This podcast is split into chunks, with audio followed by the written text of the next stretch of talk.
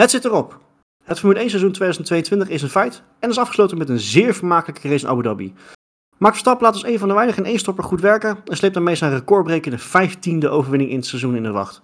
Sebastian Vettel op punten zijn emotionele laatste race en het is Perez toch niet gelukt om een 1-2 het kampioenschap te pakken voor het team van Red Bull Racing.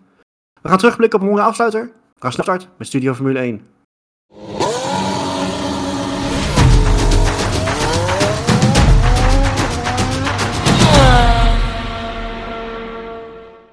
Mannen, welkom voor uh, de, de laatste keer dit seizoen. In ieder geval in deze setting op een, uh, met een reguliere aflevering. We gaan natuurlijk nog uh, terugblikken. Allemaal heel bijzondere dingen aan het einde van het seizoen. Maar daar komen we later in, in de aflevering nog even op terug. Het zit erop. de laatste race is een feit. En ik denk dat hij voor Abu Dhabi begrippen nou, best vermakelijk is geweest. Vooral op strategisch vlak is, was hij wel interessant. En ik denk dat ik hem ook gewoon direct ga aftrappen met mijn top ook op strategisch vlak. Uh, want ik vind het heel knap hoe Max Stappen een, een één-stop heeft laten werken. Natuurlijk altijd makkelijk kiezen om de winnaar als top te pakken. Maar aan het begin waren er echt wel wat twijfels over een één-stopper. Omdat uh, ook de mediums toch nou, redelijk snel eraan gingen bij sommige coureurs. Maar zoals we van Max Stappen inmiddels wel kunnen uh, verwachten, kan hij gewoon best wel goed met, met het rubber omgaan. Dus voor mij betreft een absoluut verdiende top. Uh, 15 overwinningen in een seizoen. Nou, we gaan natuurlijk ook in onze terugblik echt wel even terugkijken op zijn seizoen. Want het is echt uh, magistraal geweest in totaal. Maar er stond vandaag niet over geen maat op. Dus wat mij betreft uh, dik verdiend, of niet? Ja, reed, hij als een koning, denk ik. Het hele weekend heel knap. En op donderdag was natuurlijk de persconferentie. En na Brazilië was hij ook wel getergd. En een getergde Max Verstappen is niet leuk voor de concurrentie. Nee. Dus nee, was het hele weekend gewoon top. Kwalificatie, super uh, om die pole position uh, naar huis te rijden. En op de zondag, dat, dat ziet er altijd weer makkelijker uit dan het is. Want wat je zegt er waren toch wel een aantal coureurs die wat meer last hadden van de bandenslijtage. Zoals Perez die er op een twee stappen zat. Ja, en Verstappen die rijdt gewoon zo slim, zo tactisch. Want soms kun je beter op 90% rijden dat je banden heel blijven. Dan dat je constant uh, gaat pushen. En dat heeft hij heel goed gedaan. De eerste stint heel slim gemanaged. En ook op de harde banden richting het eind van de race gewoon ja, super volwassen gereden. En hij was ook nog een beetje bezig met de race van Perez. Dat hij op een gegeven moment zei van... Ja, die harde banden slijten niet zo snel. Dus hij kan gewoon uh, volle bak gaan pushen. Vond ik ook wel mooi.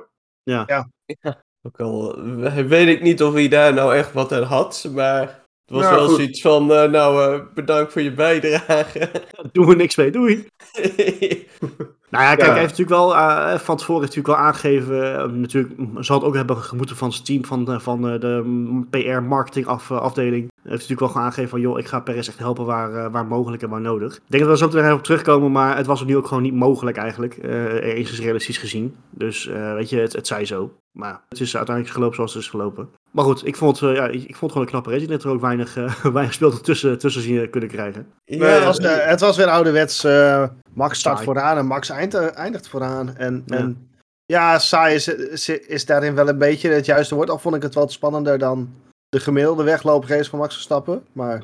Ja, nee, ik denk dat het ook komt omdat hij relatief weinig in beeld is geweest. Ja, dat sowieso. Ja, we hebben best wel veel in die race gezien. Maar Max was daar niet echt één van. Hij zat ook altijd wel comfortabel vooraan. En het was echt, zeg maar, uh, de laatste meters voor uh, de finish dat hij weer in beeld kwam.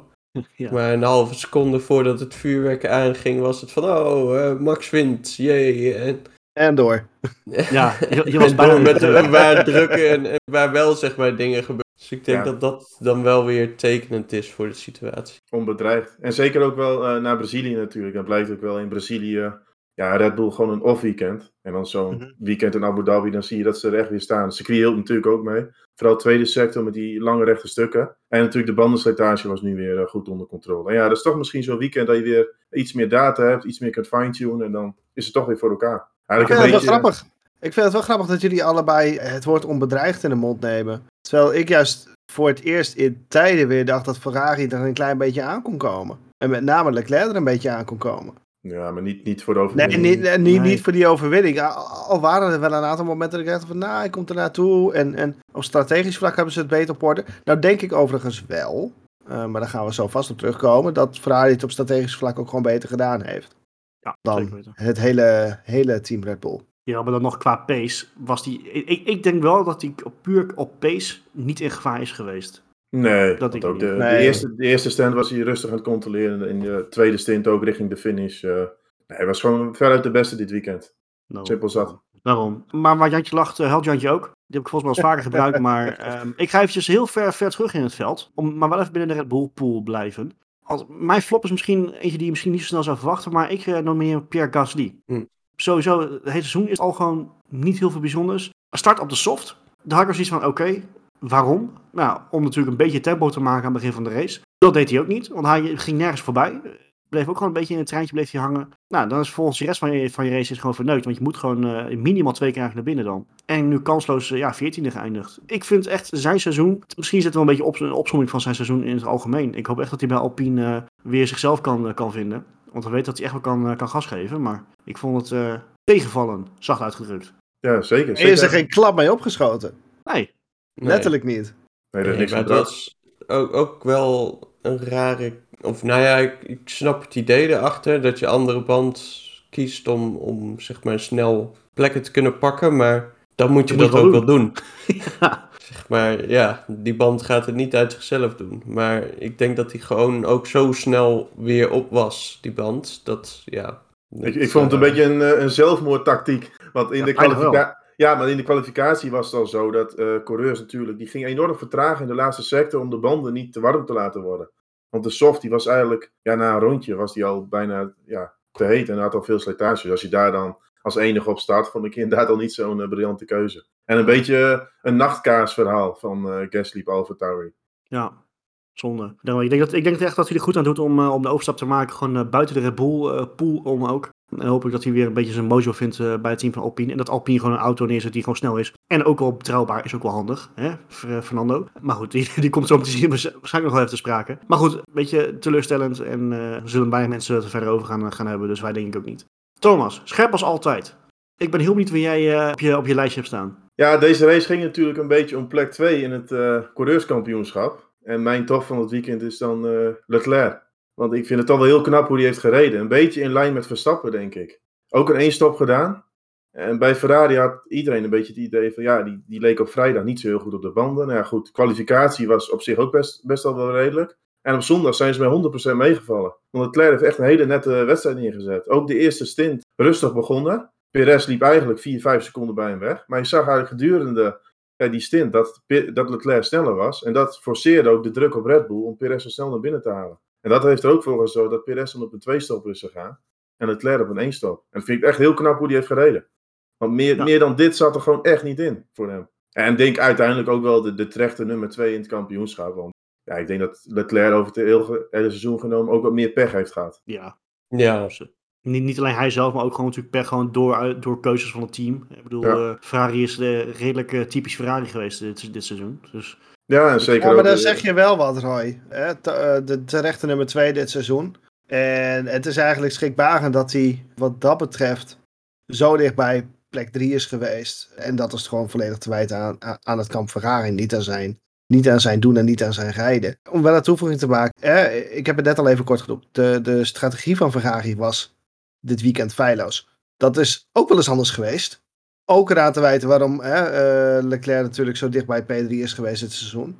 Maar wel een keer goed om te zien dat het ook wel aan- aan de goede kant van de, van de medaille kan zitten. ja, want Moet wat je ik wel- eigenlijk wil zeggen, eh, het gat tussen de P2 en P3 had eigenlijk gewoon groter moeten zijn. Had veel groter- Met twee vingers in de neus Ja, P2 moeten pakken, ja. ja absoluut. Het niveau van Perez is, is, is veel, eh, vele malen lager dan een Leclerc. Ja, en een deel was de strategie, maar een deel is het ook wel hoe vang je als coureur zo'n race aan. Want ik zag echt bij Verstappen en Leclerc dat ze gewoon aan het begin van de race ja, veel zuiniger met die banden omgingen. Niet echt pushen. Oh. En dat zorgt er ook voor dat Leclerc een één-stop kan doen en eh, Perez uiteindelijk niet. Maar sowieso wel een beetje een rare race qua bandenkeuze. Ja, Ja, veel, meer, me- veel meer mensen die, die uiteindelijk over wilden gaan op een tweestop omdat die voorband er harder aanging dan, Ja. iedereen dacht. En het, was een beetje, het zat een beetje tussen de twee en één stop in. Heeft ook een beetje met het circuit te maken. Vind ik wel leuk aan Abu Dhabi. Want door die zonsondergang eh, daalt die baantemperatuur heel snel. En eigenlijk zijn die condities dan gedurende de race worden heel anders. Ja. Eind, eind van de Ja. race heb je gewoon een, een veel koelere baan. Waardoor die banden alweer anders reageerden. Ik denk dat dat er ook eh, voor heeft gezorgd. Dat die één stop eh, mogelijk was. En aan de andere kant is voor mij dan Perez eh, de flop. En eh, dat is puur omdat ik vind dat hij een hele slordige race heeft gereden. Ja. Eh, ik Ja. denk aan het begin probeerde hij heel erg met Verstappen mee te komen. Eh eerste paar ronden dacht ik van nou, die zit behoorlijk nog te drukken. Maar dat blijkt achteraf. Verstappen zat daar rustig zijn banden te managen. En Perez die zat eigenlijk al aan zijn grens. Waardoor hij dat uiteindelijk moet bekopen met veel hogere bandenslijtage. En dat heeft ervoor gezorgd dat hij uiteindelijk op een twee stond. Ja, maar dat niet alleen, ook keuzes die hij dan tijdens een race maakt. Ja, dat zijn- Dat, zijn- dat, eh, dat gevecht met Hamilton aangaan waar het totaal niet nodig is op dat moment. Nee, dat, Dat- komt dat- daarna nog. Hè? Want dan moet hij dus door het veld rijden. Nou goed, dan maakt hij in het gevecht met Vettel maakt hij een fout. Waardoor hij eigenlijk een ronde extra achter hem komt. Dat kost hem misschien wat tijd. En vervolgens met Hamilton doet hij hetzelfde. Die haalt hij dan op het eerste DRS-stuk in. Maar dat is met Abu Dhabi. Dan tweede DRS-stuk word je vaak weer terug ingehaald. Ja. Dus als hij daar slim was geweest, even wachten. Tweede DRS-stuk. En als je die seconde dan optelt en je ziet dat aan de meet, nou dat was het 1,3 seconden. Dan zijn Dat die is kleine, twee, drie, se- ja, twee, drie Ja, seconden. ja, die kleine momenten hebben echt de doorslag gegeven. Ja, dan moet ik wel ook wel, wel zeggen, hij heeft op een gegeven moment ook wel pech gehad toen hij volgens mij Gasly tegenkwam. Waar die, die een blauwe vlag kreeg, die, echt- die echt niet aan de kant ging. Weet je, dat heeft hem ook echt wel tijd gekost. Ja. En dus, eh, weet je, dat dan ook wel weer. Maar neemt niet weg dat, het, eh, dat hij het grotendeels aan zichzelf te danken heeft vandaag. Ja, wat ik ook denk is, is wel dat een Perez nooit in deze positie geweest is. Niet op, de, niet op zo'n manier. En dat het, het stukje eh, in, in, eh, in zijn carrière heeft hij nooit eh, deze plek gehad dat hij er, echt om de knikkers aan het rijden was. En dat stukje, dat stukje ervaring, dat mist hij in een race als dit. Waar Leclerc een veel natuurlijker talent hier veel beter mee om kan gaan. Ja, dat is het voor mij Mm. vooral. Het kwestie talent. Kijk, dat hij meer kan- talent heeft, ben ik wel met je eens. Maar Leclerc is ook niet vaak in deze situatie geweest. En ik denk niet dat zijn talent Dat- ervoor zorgt dat hij hierdoor, eh, ja, dat hij hierdoor er beter mee om kan gaan. Nee, Ja, ik maar- bedoelde meer mee dat, dat een Perez in al die jaren nooit in deze positie gezeten te hebben, dat nu het verschil maakt. En Leclerc die rijdt toch al voor, een- voor een Ferrari, rijdt voor een topteam, waar de druk er al veel meer op ligt. Ik denk dat, weet je, dat, dat al die facetten het verschil maakt dat een Leclerc nu denkt van oké, ja, maar nu gaat het om de knikkers, nu moet ik in één keer scherp zijn. En de Perez begint toch wel een beetje shaky te worden. Maar kleine foutjes, foutjes die je absoluut niet moet maken in een race als deze. En daarin zit het hem voor mij. Ja, ja, en een stukje rijtalent. Weet je, Perez vind ik Ja. best, een, best een leuke rijder. Maar als ik een aantal middenmoot-teams zie, dan zijn daar rijders die, die ik hoger inschat dan Perez. Dus ik denk ook dat dit zijn laatste kans was om überhaupt in de top 2 te komen in het kampioenschap. En daarom vind ik het ook een beetje een flop. En ik vind de tweede helft eh, van het seizoen heeft Red Bull super voor elkaar. En Ferrari Ja. heeft zoveel flaters geslagen. Dan zou je het eigenlijk, naar mijn idee, wel moeten kunnen redden. Ja, 100% mee eens. Als je ook Mhm. gewoon- hoe, zag hoe sterk Perez aan het begin van het seizoen was, hebben we het nog vaak over gehad van, goh, weet je, kijk, echt kampioen zal hij niet worden, maar hij kan echt lekker aanhaken. En hoe dat is afgezakt. Ja, nog, nog steeds, weet je, als je het vergelijkt met vorig jaar, nog steeds gewoon goed, hè. Het vorig jaar zat hij er echt vaak echt zwaar achter. Eh, en, Ja, om, om, om maar te zwijgen over een Albon of een Gasly toen hij nog naast Max reed. Eh, hè, dat was echt, echt slecht af en toe, maar Ja, maar hij heeft gewoon verzaakt, verzaakt te profiteren. ja, We hebben het er net over dat het verschil tussen P2 en P3 nooit zo groot mogen, of nooit, nooit zo klein mogen zijn. Want Leclerc aan zijn kant, in zijn pitbox was van alles en nog wat niks op orde. Dan heb je aan de andere kant een Perez die gewoon niet mee kan komen. Nee, zonde en onnodig. Maar goed, ja, weet je, geen 1-2 voor Red Bull. De, de redenen mogen duidelijk zijn. Komt van beide kant, kampen af, maar het zij zo. Maar ik denk dat eh Perez als flop, eh, ja, misschien raar voor iemand die als derde is eindigt, maar ja, wel terecht van net gewoon aan zichzelf te danken. Dus Slordige race. ja, absoluut. Marco, Ja, Gasly, we hebben een klein beetje voor de voeten weggemaaid, want dat was ook, Oh, mijn, eh, dat was ook mijn keuze. Dus eh, de, de, Hij stond ook op mijn lijst hoor. Dus, de eh, John Deere Award gaat weer naar jou. sorry. Ehm, nee, nee, dat maakt niks uit. Ik, eh, ik, ga, het heel, ik ga een open deur intrappen. En dat is Alonso wederom noemen. Ehm, ja, hij, zegt, hij, en- hij is niet echt flop, hè? Nee, maar ik ga hem wel noemen omdat zijn, se- zijn seizoen absoluut compleet gemaakt is. Door wederom een Ja. uitvalbeurt. Godzijdank. Ja, nee, nee, maar eh, we hebben het al eerder een, eh, een paar keer genoemd dat he- het heel tekenend voor hem is in dit seizoen. Ik denk dat eh, Alonso kan er zelf niks aan doen. Ik bedoel, dat begrijp ik niet verkeerd. Maar het is gewoon zo zonde dat het seizoen voor Alonso op deze manier ook als een nachtkaars uitgaat. Zodat er vele malen meer in gezeten had. Ik, ik had het seizoen van Alonso versus Norris willen zien met een goede Alpine. Ja, ja. eens. Ja, was een spannende strijd geworden. Ja, zeker. Maar Alonso heeft wel iets moois gedaan. En dat is eigenlijk top te noemen. Hij heeft voor de race eh, tegen Vettel gezegd van ik ga jou niet aanvallen. Dat, Ja. vond, ik wel, dat vond ik wel echt heel netjes. Ja, dat, dat, dat is wel chic. Van, je wil natuurlijk niet in de eerste ronde zo'n incident met Vettel die vlak voor je staat. Dat zou natuurlijk lullig zijn. Dus dat vond ik Ja. wel eh, top te noemen. Dra- maar, draag, je, draag je zijn helm? Ja, maar, nou, nee, maar even over die helm nog. even. Ik vind het eigenlijk best wel grappig. Van, je, je hebt weer een paar jaar heb je bij je team gereden. Je neemt afscheid neem je van je team. In plaats van dat je een van de tribute naar je team doet met eh, de monteurs op je helm of zo. Nee, pakt hij een helm van zijn concurrent. En van over Alpine heeft hij gewoon niks gezegd. Ik denk van, oh, Fantastisch toch? ook wel pijnlijk hoor. Maar Ja. Zeg genoeg, toch? Maar Ja. wie, had dat, wie had dat rond eh, 2010 kunnen denken? Dat Alonso Zo. was met de vet, want toen konden ze elkaar niet, eh, niet luchten eigenlijk. Nee. Dat is ook wel leuk, hè? Dan jaren later is onderling ineens dat respect. Natuurlijk geweldig gevecht had Alonso en Vettel. ja. En dat vind, ik wel, vind ik ook wel weer leuk. dan- Ja, nee, ik- zeker met je eens. Ja, als top. Ik Mag ik vond hem heel erg- raden? Nou ja, toch maar. Raad maar. Oranje, oranje auto? Oranje auto. Ja, het, het, het, het- het kan er dan maar eentje zijn, hè? Maar weer P7. Norris doet gewoon belangrijke zaken voor, voor, voor zijn kampioenschap, voor het P6 team. trouwens, hè? Of P6, sorry. Correctie, dank je. En, en wederom best of the rest. In, en, en we hebben het net een klein beetje over wat tekent eh, iemand zijn seizoen. Maar dit tekent ook Norris zijn seizoen natuurlijk. Continu best of the rest. En ik hoorde in een post-race interview ook wel dat het hem eigenlijk een klein beetje frustreert. Want hij wil, hij wil aanhaken. En, en bij Mhm. Vlagen lukt hem dat. En bij Vlagen lukt hem dat niet, omdat McLaren dit jaar gewoon de auto gewoon net niet op orde had. En dat is wel jammer. Want ik wil, ik wil nog steeds een Norris tegen de toppers gaan zien. En ik denk dat hij meekomt. Ik denk oprecht dat hij mee kan komen met, eh, met de grote jongens. Ik denk Ik- qua ik had het talent begin- sowieso hoor.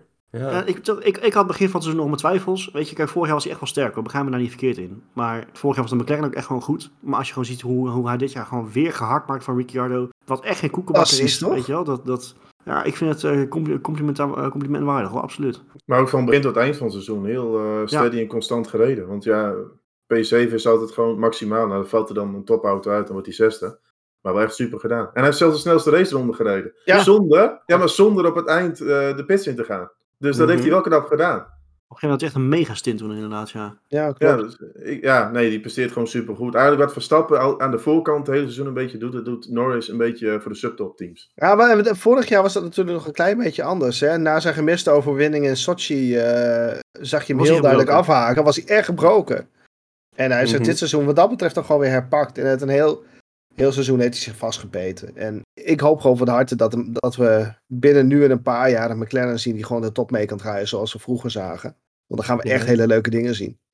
Ja, maar dat Ja, is het nu een beetje. Hij rijdt een beetje tegen een soort plafond aan. Van, hij zit nu een paar jaar in dat, in dat middenveld en is dan vaak best of the rest. Maar je wil eigenlijk meer. En we hadden het net natuurlijk over Perez. Ja, daar zou ik dolgraag Norris op de plek van Perez zien. Nou ja, dat had, had bijna gekund. eh. ja, ja. Dus dat vind ik dan als liefhebber altijd jammer. Denk van, ja, zo'n jongen, die wil je, je wil Zeker. voorin zien. En dat is, dat is wel dan zonde. Maar wel super ik, ik weet dat van Max Verstappen dat eh, eh, lijkt op dit moment de absolute top van de top eh, in het Formule 1 te zijn. Maar toch had ik, had ik een Norris wel naast hem willen zien zitten. Ik was echt wel benieuwd geweest hoe, hoe die twee nog van elkaar verschillen. Want ik, ik denk heel stiekem, misschien scheelt het helemaal niet zo heel erg veel. Maar ik denk dat hij best close kan komen. Zeker dichterbij dan wat Perez laat zien. Dat is Ah, nou, dat, dat, Ja, dat ja. overduidelijk. En volgend jaar natuurlijk ook interessant met Piastri naast zich. Want dat is ook iemand die natuurlijk heel hoog aangeschreven staat. Ja, dat wordt wel Ja. heel interessant voor mij om dat eh, te gaan zien. Nou, ja, ik ben wel benieuwd of hij dan eh, zeg maar echt de volwassen kop eh, heeft in het rijden. En of hij daar ook dan mooi de leiding in kan. Ja, dat denk ik wel. Weet je, Norris is natuurlijk wel. Ik kwam natuurlijk in de sport een beetje als, als zo'n zo'n zo'n gek jochie. eh, af en toe gewoon lekker streamen, lekker gek doen, weet je wel. En, en eh, echt een beetje de, de clown van de paddock. Een beetje wat natuurlijk Ricciardo natuurlijk ook wel is. Maar de laatste jaren zien we wel gewoon steeds serieus worden. Hij is echt nog steeds wel in voor een geintje. Maar ik denk wel dat hij best wel iemand is die ook in de teambriefings gewoon echt kritisch is. Weet je, we zullen het nooit weten, want achter de schermen kijk je bijna nooit. Maar ik denk echt dat Norris inmiddels echt wel eentje is die echt gewoon heel goed het team ook lekker. eh op Maar het klopt wel wat je zegt. We hebben Norris in interviews wel eens, eh, en zeker dit jaar, heel kritisch op zichzelf gezien. Hè? Ja, ook. En, en eh, dat, dat zit erin. En ik vind het wel mooi wat je zegt, hè.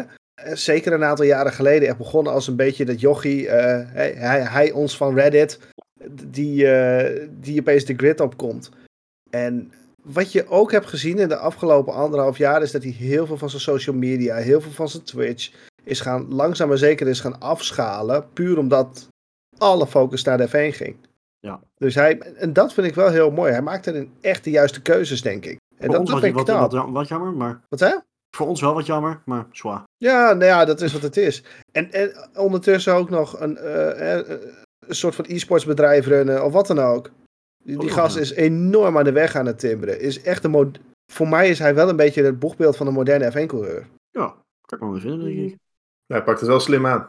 Ja, Het Ja. enige, enige wat ik bij Norris Ja. altijd heb is, ik, ik vraag me of hij echt die over mijn lijk mentaliteit heeft. Dat een Verstappen heeft, dat een Hamilton dan heeft. Dat, Hij heeft dat nog niet echt nodig gehad. Nee, daarom. dat dat is kun het meer, je dat weet kun het niet. Nee, je weet dat niet bij een subtop team. Maar ja, ik twijfel. Maar goed, hij heeft gewoon hartstikke veel talent. En dat, dat komt er vanzelf uit. Hij is nog hartstikke jong, dus dat komt, eh, komt helemaal goed. Daarom, daarom. Alright. Last but not least. Chris? Ja, ik eh, begin met mijn, eh, mijn flop. Dat was voor mij, ja, weet nog niet of ik het hele team moet noemen, maar ik, eh, ik begin met de, de andere coureur die met eh, Vettel eh, Tribute eh, rondreed. Namelijk eh, Schumacher. Ondanks dat hij wel echt de, de, de wil om te strijden heeft laten zien deze race. Echt veel meer dan Magnussen, want die startte en volgens mij reed hij voor de, nou ja, voor de show mee. Die heeft volgens mij niks laten zien. Maar zeg maar de fouten die Schumacher maakte met Latifi, dat was natuurlijk totaal onnodig. Ja. En ja, dat, dat zeker voor je laatste race is dat wel zonde. Ook zeg maar voor Latifi's laatste race, die vervolgens uiteindelijk de pit in gereden was. eh, ja, is dat toch wel sneu. Ja, maar ik, Ik denk dat je... wa- Ik, ik, ik verbaas me dat je niet het hele team noemt. Want Haas was echt, echt gewoon kansloos. Ja, ja want ons, ondanks dat incident en de time penalty is Schumacher nog voor Magnussen. Ja, dat, ja. dat toont wel aan hoe dramatisch het eigenlijk bij Haas was. Ja, ja, daarom zeg ik ook wel, zeg, zeg maar, eh, Magnussen had net zo goed niet mee kunnen doen volgens mij. Magnus' seizoen was al compleet, jongens. Hij had niks meer Ja. voor te rijden dit Volgens mij was hij al Ja. uitgecheckt. eh. Ja, joh. Ja, die actie van Schumacher, hij, hij liep ook waanzinnig in bij het remmen. Als je ziet van hoe ver die kwam. Nou, daarna was het botsautootje. Ja, dat is natuurlijk ook niet, eh, niet handig. Zeker als het dan misschien wel je laatste race is geweest. Die, die kans zit er best in. ja, Maar ja dat- en dan, dan is dit ook geen mooi visitekaartje. Nee, zeker niet. Maar het goed, zag er we- leuk uit, het synchroon spinnen, maar ja. Nee, ik, be- ik betwijfel überhaupt of hij nog terugkomt. Het is geen toptalent Schumacher. Het- Hij heeft wel aangetoond, denk ik, tweede helft van het seizoen, dat hij een waardig Formule 1 ka- rijder kan zijn. Ja. Eh, kwalificatie stond hij toch ook weer voor Magnussen. Dus in dat opzicht. Maar goed, het is geen toptalent. Dus ja, dan is het de vraag wat de toekomst eh, nog Ja, brengt. daar, daar zeg je wat. Om even een zijstraatje te maken. Mercedes heeft iets losgelaten dat ze hem misschien wel in de gelederen willen hebben. Ja, maar dat is ook interessant. De naam Schumacher bij Mercedes is altijd wel interessant. Daarom, ja. En dat is wel het voordeel als je eenmaal bij Mercedes binnen, binnen zit. Die hebben zoveel teams. We hebben natuurlijk met Nick de Vries gezien. Ja. Nou, mocht er een keer iemand ergens uitvallen, je hebt misschien wel een kansje. Zou geen slechte stap voor hem zijn in elk geval. Maar ja, dat- er is ook niet veel meer over natuurlijk. Uiteindelijk wel, wel jammer. Want we hadden allemaal natuurlijk wel graag gezien dat de naam Schumacher, hè, dat hij misschien door zou kunnen groeien naar een Ferrari. Maar nee, was dit ook Oh. niet, eh, geen mooi afscheid bij Haas. Gewogenheid te licht bevonden. Ja, zeker. Ja, eigenlijk wel een beetje. Ja. En we hadden het over een nachtkaart, maar het team van Haas is echt een nachtkaart geweest. Zo, die Ja, begonnen in. Bach, in Bahrein, begonnen die echt. Dat was een sensatie van Bahrein natuurlijk. En als je Ja, dan ziet de absoluut laatste, waar. de laatste race, ja, komen ze nog geen beeld door die aanrijding, maar voor de rest eh, niks meer. Ja, En Schu- en, ja, eh, dat echt het, En Schumacher na de finish nog op zijn flikker gekregen, hè? Ja, Donuts.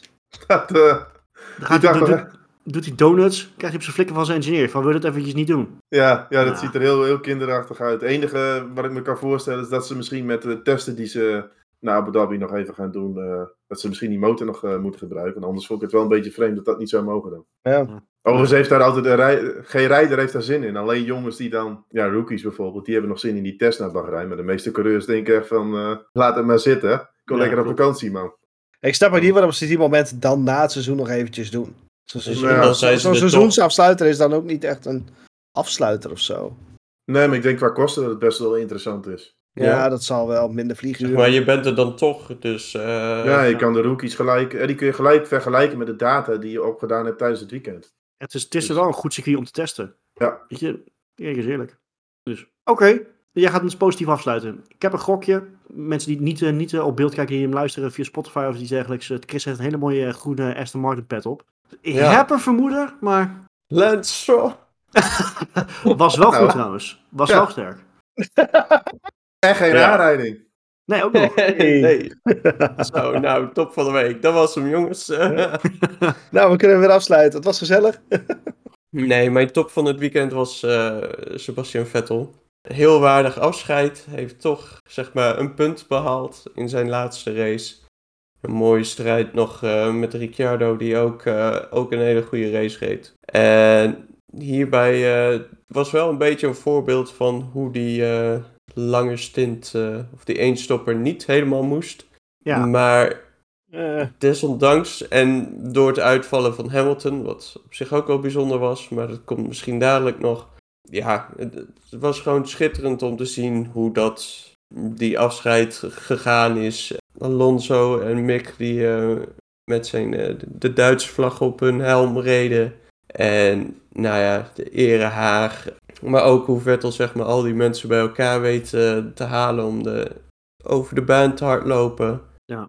Ja, zoveel tribute aan die man. Voor iemand die ja, weinig haters kent. Als inmiddels. Thomas. inmiddels heeft ook even geduurd.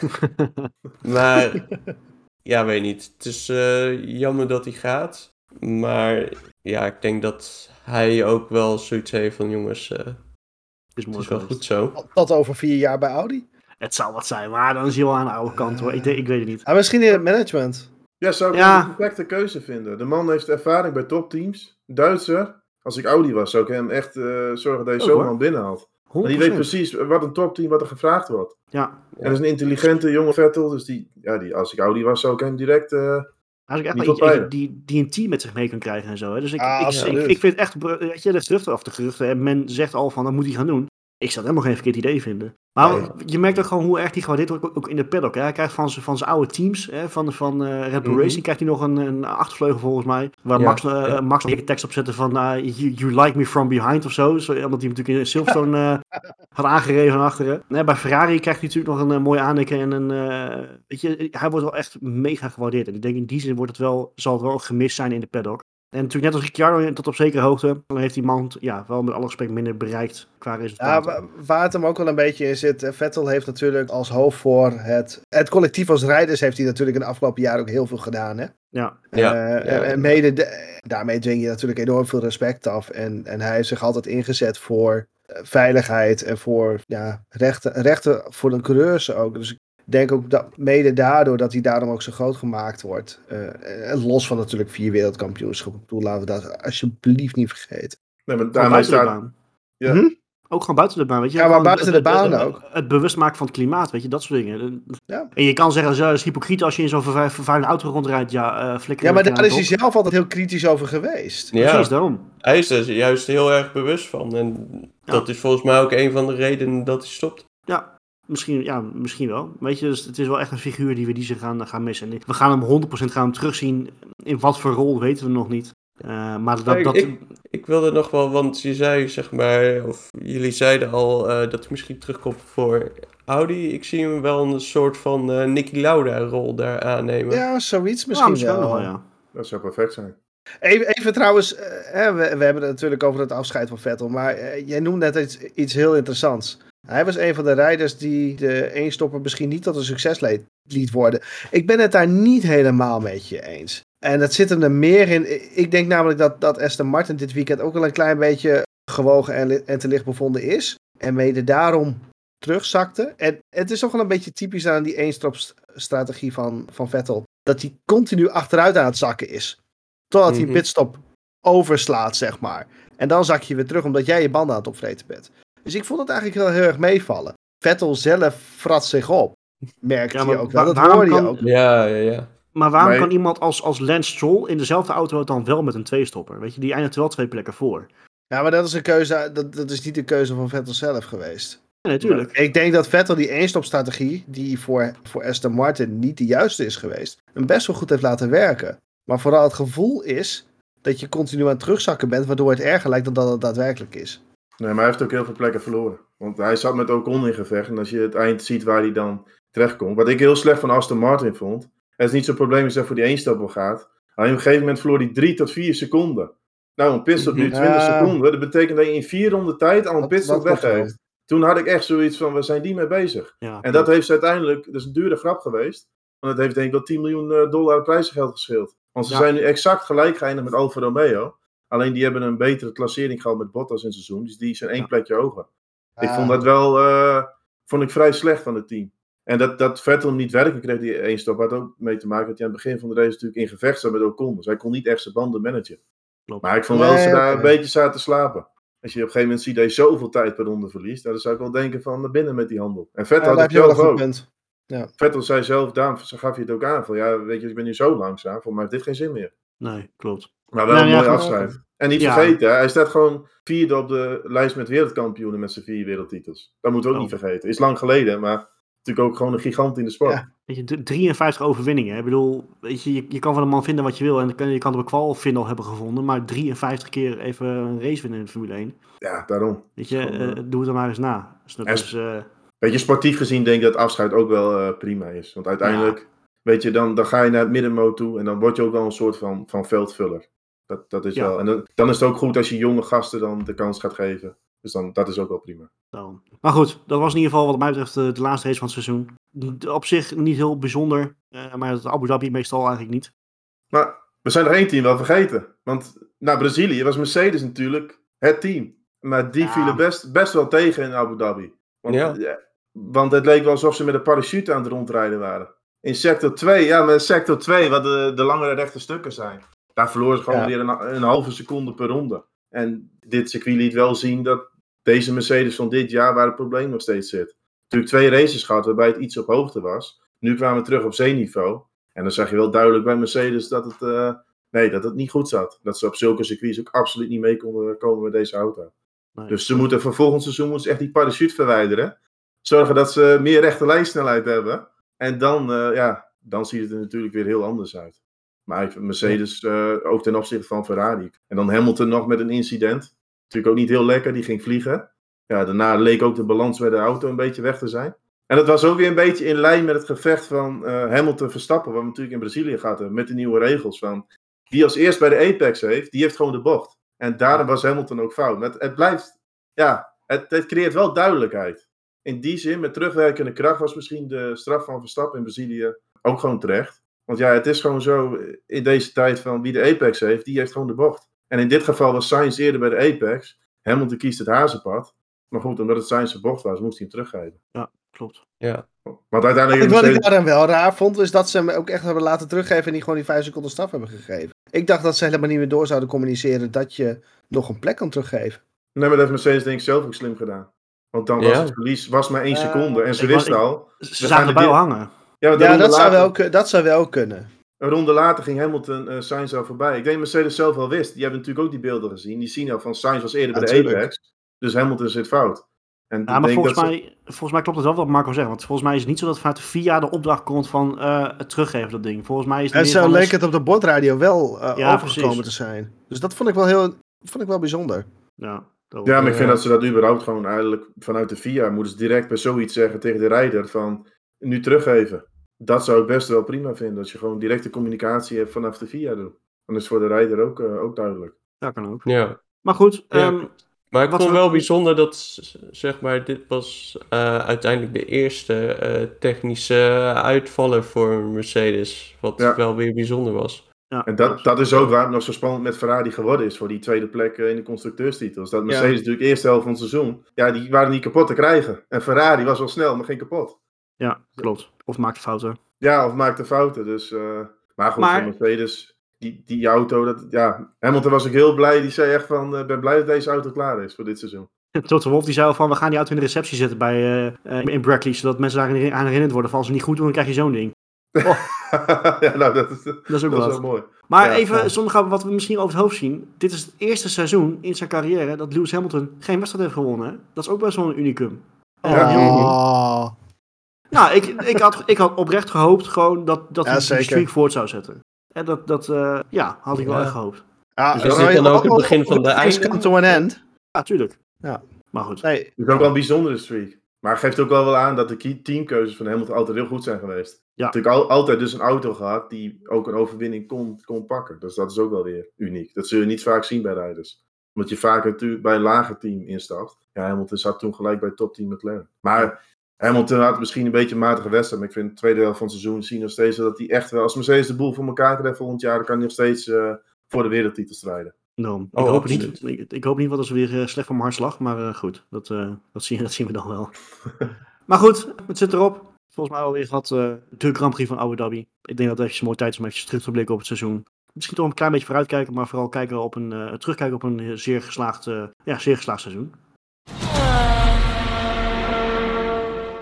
Het, eh, het seizoen zit erop. We gaan natuurlijk eh, volgende week gaan wij eh, eh, echt uitgebreid terugblikken op het seizoen. Een paar mooie Studio Formule 1 Awards uitreiken. Hebben gewoon in het leven geroepen. Kan allemaal wel. Maar ik wil wel even heel kort met jullie even terugblikken op toch wel een, eh, ik denk dan wel een geslaagd seizoen. En ik denk de belangrijkste vraag, en ik ben heel benieuwd of we daar een beetje in eensgezind zijn.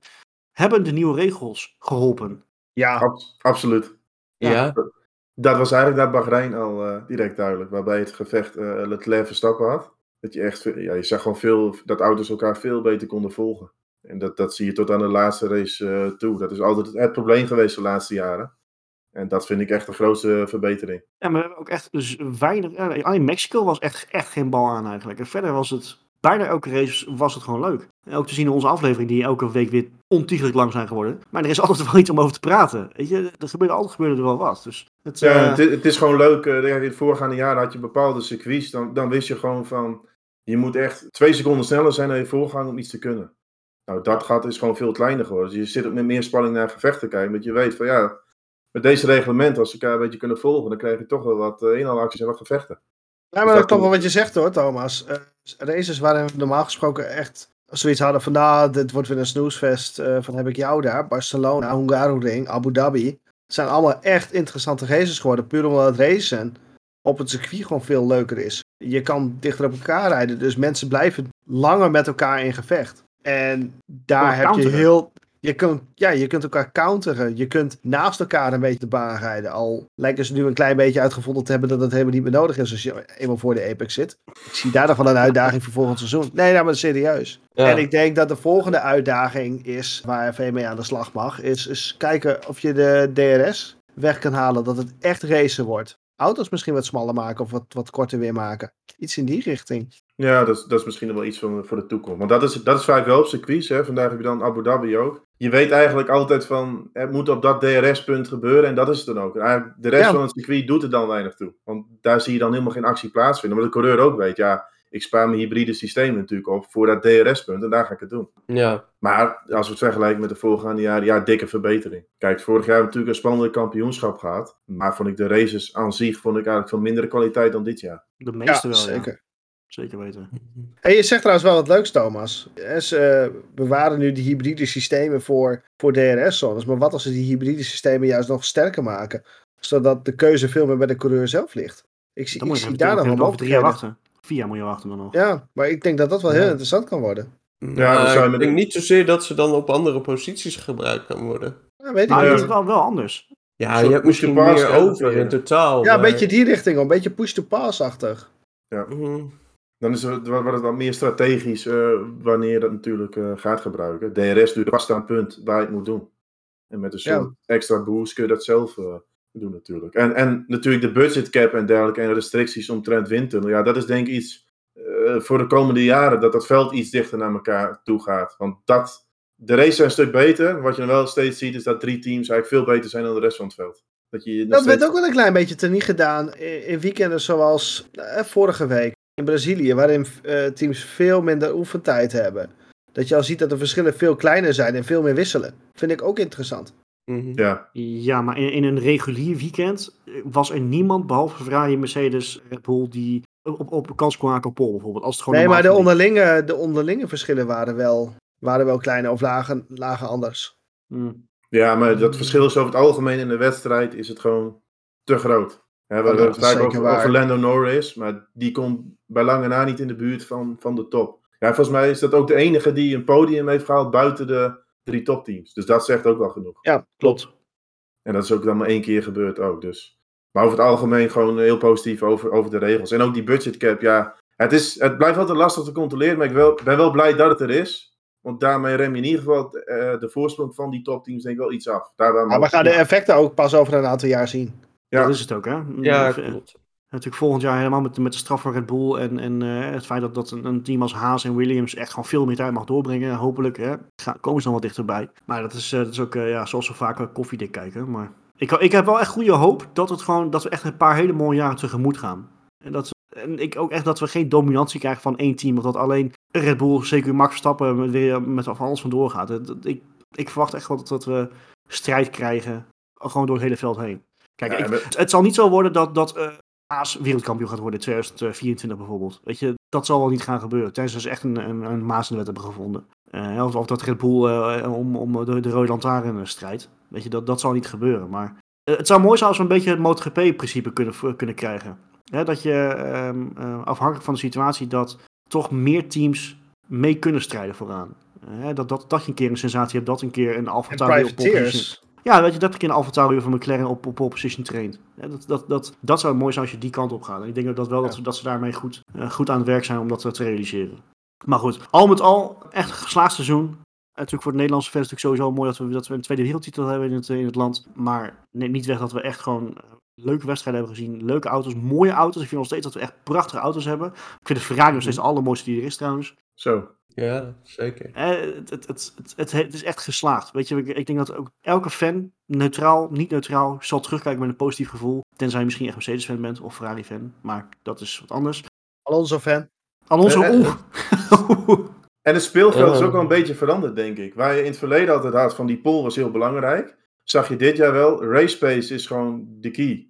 Ja, Dat vind ik wel leuker. Ja, en dat blijkt Ja. ook aan de Verstappen. Die heeft bijvoorbeeld van eh, P10 was het in Hongarije zo uit mijn hoofd. In Spa P15. Nou, dat heeft natuurlijk met de kwaliteit van Verstappen en Red Bull te maken, maar ook gewoon met de regels. Want in het verleden was dat ja, niet zo, zo mogelijk als dat, dat nu heeft plaatsgevonden.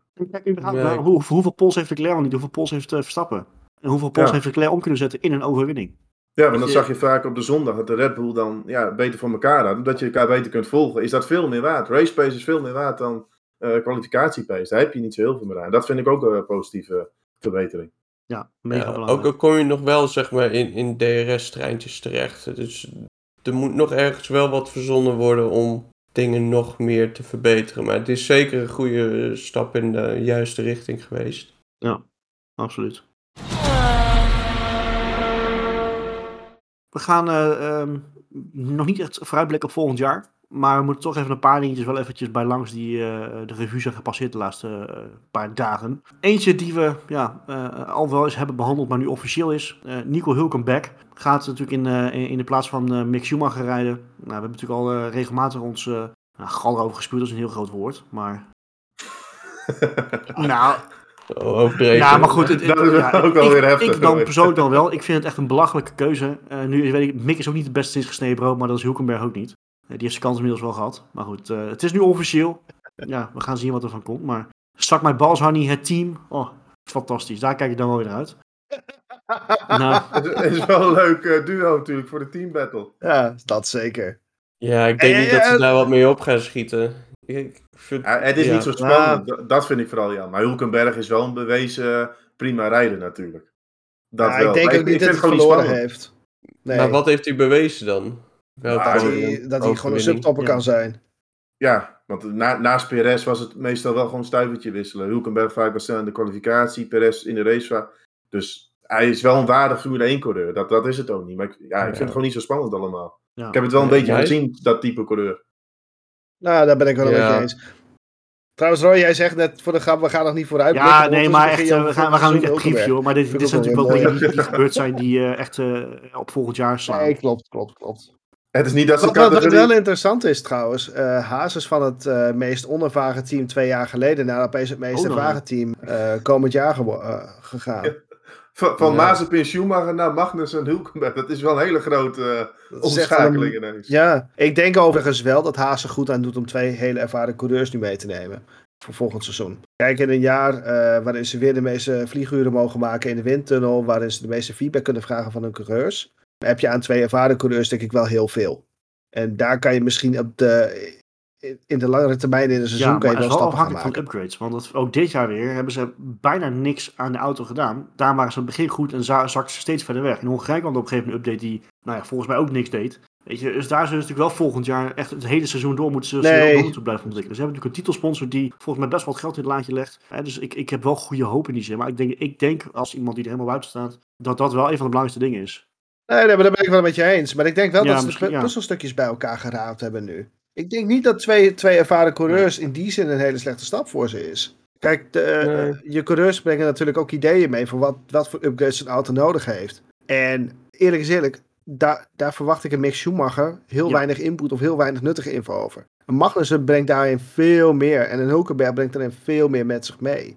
Nou, als ik- ze dat bij elkaar- Hulkenberg ook? Ja, ik denk het wel. Ja, De afgelopen jaren er alleen maar uit geweest. Ja, maar dat moet niet heel veel uitmaken. Nee, maar het is ook een Dat beetje een feeling met Hij is natuurlijk ook altijd testcoureur geweest, dus Ja. hij is altijd wel betrokken geweest bij ontwikkeling. Dus ik denk niet dat dat heel anders is dus- geweest is. Het is ook weer niet dat ze Latifi hebben binnengehaald qua categorie. Het is een prima rijden. Ja, het is een prima rijden, maar niet spannend. Daar komt het een beetje op neer. Nee, klopt. En ik Ja, denk maar dat ze, lijken, ze qua, lijken een eh, andere weg in te gaan. Maar ik denk dat het qua kosten, zeg maar, eh, ook wel beter is als je ziet hoe vaak eh, Schumacher eh, iets aangetikt heeft eh, wat hij niet aan moest tikken. Dan, eh, Ja, Daarom mocht hij die donut ook niet afmaken. Want dat kost meer geld. dat hij met de hekken klapte. Maar Ja, goed, ja. weet je ook dat is natuurlijk volgend jaar we gaan het zien. Maar ik denk wel dat, het, dat de, vooruitzichten voor Haas in ieder geval wel beter zijn dan dat het de afgelopen jaren is geweest. Dus dat is natuurlijk veel positief. Om eventjes aan de andere kant van eh, de, de Ferrari motorblokken te kijken. We hebben natuurlijk al vaker dit seizoen ook deze aflevering weer gehad over Ferrari met eh, rare keuzes, et cetera, et cetera. Nou, traditie dan in Italië is dat de koppen gaan rollen. Nu is het wel zo dat er nog niks bevestigd is. Binotto heeft ook bij F1 TV vanmiddag een interview afgegeven waar hij wel sterk stond. Maakt wel een indruk van, joh, eh, ik sta nergens heen. Maar toch, waar rook is, is vuur. En het is nu al een paar jaar is het gewoon eh, helemaal drie keer niks. En daarnaast hebben we natuurlijk ook vaak gehad, vooral Thomas was er altijd best wel fel in. En terecht ook, dat het gewoon een slappe zak is. Dat het een hele technische man is, dat hij daar misschien beter past. Verwachten we dat Mattia Binotto daar volgend jaar nog op dezelfde plek zit in eh Bahrein? Of denken we toch dat hij vervangen gaat worden? Ik denk niet dat hij op dezelfde plek zit, maar wel binnen de organisatie. Je moet gebruik maken van zijn kwaliteit. En dat is wat je zegt, hoor. Technisch gebied denk ik dat hij best wel onderlegd is. Alleen communicatief vind ik hem niet sterk genoeg voor Ferrari, voor een topteam. Dus ik denk in dat opzicht dat je misschien met een andere persoon, nou, Vasseur wordt dan genoemd, heeft veel ervaring binnen de Formule 1 en binnen de racerij, dat je dan, en dan misschien met Binotto daarnaast in een meer technische rol, dat dat het beste zou zijn voor Ferrari. Je moet ook weer niet het hele team overhoop halen, want zo slecht is het voor Ferrari ook niet geweest dit seizoen. Ik denk dat ze aan het begin van het seizoen echt een hele goede baas hadden staan, qua, baas hadden staan qua auto. Nou goed, op een gegeven moment kwamen een beetje de motorische problemen mee. Maar dat, dat risico moesten ze ook nemen. Dit jaar worden de motoren bevroren, dus Ferrari moest performance gaan winnen. En dat is dan ten koste gaan van betrouwbaarheid. En ik denk dat ze gewoon strategisch gebied een eh, slag moeten slaan. En wat ik van Mhm. Jensen Button begreep dit weekend, is dat daar best veel onervaren mensen werken bij Ferrari strategieafdeling. Nou, dan denk ik van, als je daar een paar poppetjes kunt strikken die wel die ervaring hebben, dan, ja, dan ziet het er al heel anders uit. Ja. Die de hele bende daar op sleeptouw kunnen nemen of zo. Ja, kijk, en als ze qua betrouwbaarheid met de motor het, het wel kunnen vinden, dan denk ik dat Ferrari er helemaal niet zo slecht voor staat voor de toekomst. Kleine veranderingen kunnen een grote uitwerking hebben soms. Ja, daar, heb je, daar heb je een heel goed punt. Ik denk niet dat het bij Ferrari in de breedte heel erg, eh, echt heel erg slecht in elkaar zit. Maar misschien de juiste mensen niet op de juiste plek. Hier en daar mist dan misschien nog een stukje ervaring als je dat dan zo roept. Als ik overigens wel even over de hele breedte heen kijk. En hè, de teamhoofd, de teambazen, dat, dat is Binotto denk ik wel degene die bij mij eh, lichtelijk onderaan in het lijstje komt te eindigen, vrees ik. Dus weet je, er valt wel wat voor te zeggen. Maar die man die heeft natuurlijk ook meer dan voldoende gedaan voor Ferrari in de af- afgelopen zoveel jaar. Op technisch vlak. Op een andere positie. op, op, op, op technische Dus- functies hij altijd Ja, op technisch vlak. Daar zat hij op zijn plek. En ik denk ook niet dat als je Binotto nou weer terugzet naar inderdaad de Nee, technische functie, dat het voor hem een Zeker stap terug is. Maar volgens mij, en, en correct me if I'm wrong, maar volgens mij is Binotto ook een beetje op die plek gezet. Een beetje uit nood, toch? Dat was meer een beetje dat iemand neergezet moest worden. En hebben ze hem maar gedaan. Voor mij was het ook een beetje zo. Dat hij niet eens de, de aangewezen persoon was. Maar dat kan ik mis hebben. Ja, en dus op een gegeven moment zoveel koppen gaan rollen binnen Ferrari, dat ze zoiets hadden van, oké, dan gaan we intern iemand eh, doorschuiven. En Ferrari is natuurlijk ook wel het Ja. lastigste team om te managen. Alle teams opereren vanuit Engeland. Nou, eh, Ferrari, ja, Italiaans, communicatie is altijd lastig. En wat ook nog wel een dingetje is, ja, de beste engineers komen vaak wel uit Engeland. Als je daar aer- aerodynamics studeert, dan kom je uiteindelijk in Engeland terecht. En vaak is het voor Engelsen best lastig om dan naar Ferrari te gaan. Zeker als je een familie hebt. En dat wordt Ja. ook wel eens vergeten. Of als je de taal niet spreekt. Ja, Ja. want Ja. Ferrari heeft in het verleden wel vaker dat ze dan een topontwerper wilden benaderen. Newey hebben ze ooit ook benaderd. Ja, maar die had daar geen trek in. Die had geen trek om uit Engeland weg te gaan. Dus dat is best wel soms een, een handicap. Maar En gaan we dan dat- ooit de tijd zien dat Ferrari naar Engeland toe verhuist? ja, dat gaan ze niet doen. Nee, dat is vloeken in de kerk. Dat gaan ze niet doen. En dat gaat niet gebeuren, Marco. Nee, en in Italië zit ook wel, zit ook wel talent en kennis. Alleen, ja, Nee. je kunt het niet zomaar extern aantrekken. Maar ik ben reuze benieuwd Nou, wat- wat maar je er zegt daar wel iets interessants. Als de voertaal bij Ferrari altijd Italiaans is, dan beperk je toch wel een hele groep. Engels is natuurlijk hè, de, de globale voertaal. Naast Chinees. Ja. Dat zijn, dat zijn de twee grote wereldtalen. Als je dan opeens naar Italiaans gaat, wat denk ik een tiende, elfde, twaalfde taal ter wereld is. Beperk je de keuze In de tijd van. Schumacher, dat eh, Jean Todt daar zat, dat eh, Ross Brawn daar zat. En, en eh, Rory Byrne, of was dat nou, nou, nou maakt het niet uit. Weet je, toen, dat was Ja. ook een heel ander team. Het Mhm. was zo gesmeerd. Het, liep, alles ging, ging daar gewoon op rolletjes. En je hebt nu gewoon heel vaak die Italiaanse bende, Ja. chaos. Als er maar iets niet gaat zoals het hoort te gaan, dan zijn ze helemaal in paniek. En dan worden de keuzes gemaakt. En dat is, ik denk dat je, dat je die, die structuur van toen moet je terug hebben. Nou, en het probleem dit jaar is. Het probleem dit jaar is, er werden juist geen keuzes gemaakt. Wat we, wat we meer dan eens gehoord hebben tijdens een race, is dat een coureur gevraagd werd. Welke strategie wil je? Wat vind je het beste? Hoe lijkt het jou? Dat moet je, die, die druk wil je helemaal niet opgelegd krijgen als je eenmaal in die cockpit de box now? 300 Question? rijdt. Hou op. Question? Ja, nou ja, dat. Maar dat krijg je dus Ja. als je onervaren mensen aan, aan de muur zet. Want die hebben niet eh, dat zelfvertrouwen en ervaring om even een knoop door te haken. Maar dat is inderdaad wat er vaak gebeurde. Hè? Die vertwijfeling. Ook een aantal situaties gaat dat Leclerc bijvoorbeeld achter Sainz een beetje klem zat. Dat er ook niet echt een knoop weer doorgaat. Dat vind ik ook nog wel een fout van Binotto. Ik denk dat hij op een gegeven moment... Er was een aantal races wel duidelijk van... Leclerc gaat de man worden die een titel nog van je kan winnen dit seizoen. Ik denk dat ze veel eerder eh, duidelijk hadden moeten zijn van dat wordt onze eerste rijder. Ja. Compleet contrast met bijvoorbeeld Mercedes, hè? Ja, maar ook met, met Red Bull natuurlijk. Die uiteindelijk dan ook wel die, die knoop doorhakken. Ja. Ja, Maar het zit er in potentie voor mijn gevoel wel in bij Ferrari. Maar ja, ze moeten gewoon Dat is het ja, ook, de dat juiste is het ook. mensen goed, denk ik even vinden. Het zal, eh, Dat- het zal een onrustige winter worden in Maranello. Of niet, weet ik. Misschien is dat alles, is dat alles wel op dezelfde plek volgend jaar. En eh, gaan we weer eh, elke aflevering schelden op Ferrari wat ze allemaal doen. Maar goed, dat, eh, dat zien we dan wel weer. Ja, daarom, dit erom. Misschien leren Dit ze ervan en, eh, je weet het maar nooit. Maar goed, ik denk dat het tijd is om in ieder geval deze af- reguliere aflevering in ieder geval af te ronden. Eh, we hebben een eh, mooie, mooie race gehad, een mooi seizoen gehad. Volgende week gaan we dus eh, echt terugblikken. Lekker gewoon het hele seizoen bij langs. Eh, dat wordt ook een extra lange aflevering. Nog langer, ja, nog langer. We gaan een aantal, eh, ja, toch een aantal categorieën gaan we behandelen. Toch aan mensen, mensen die zijn opgevallen, positief of negatief. Ja, noem het dan maar op. We gaan ze over alles wel zal de revue gaan, gaan passeren. De mis Sorry? Gala uitvoering. Gala uitvoering, feest. strak in pak. Gala. Moet, nog wel even een pak kopen, maar dat, eh, dat komt wel goed. Ja, Ah, daarom. Zonder grappen. Nee, zonder Dat grappen. Daar heb ik echt ontzettend veel zin in. Ik hoop jullie ook. Dus eh, ehm, blijf daar echt eh, eh, voor hangen en eh, ga ons, eh, blijf ons volgen op de verschillende kanalen. Voor nu, mannen bedankt voor eh, weer een heerlijke aflevering en een heerlijk seizoen. Ik zie jullie volgende week graag, graag weer strak in pak. Luisteraars, bedankt voor het luisteren. Kijkers, bedankt voor het kijken. En tot volgende week bij de review van 2022.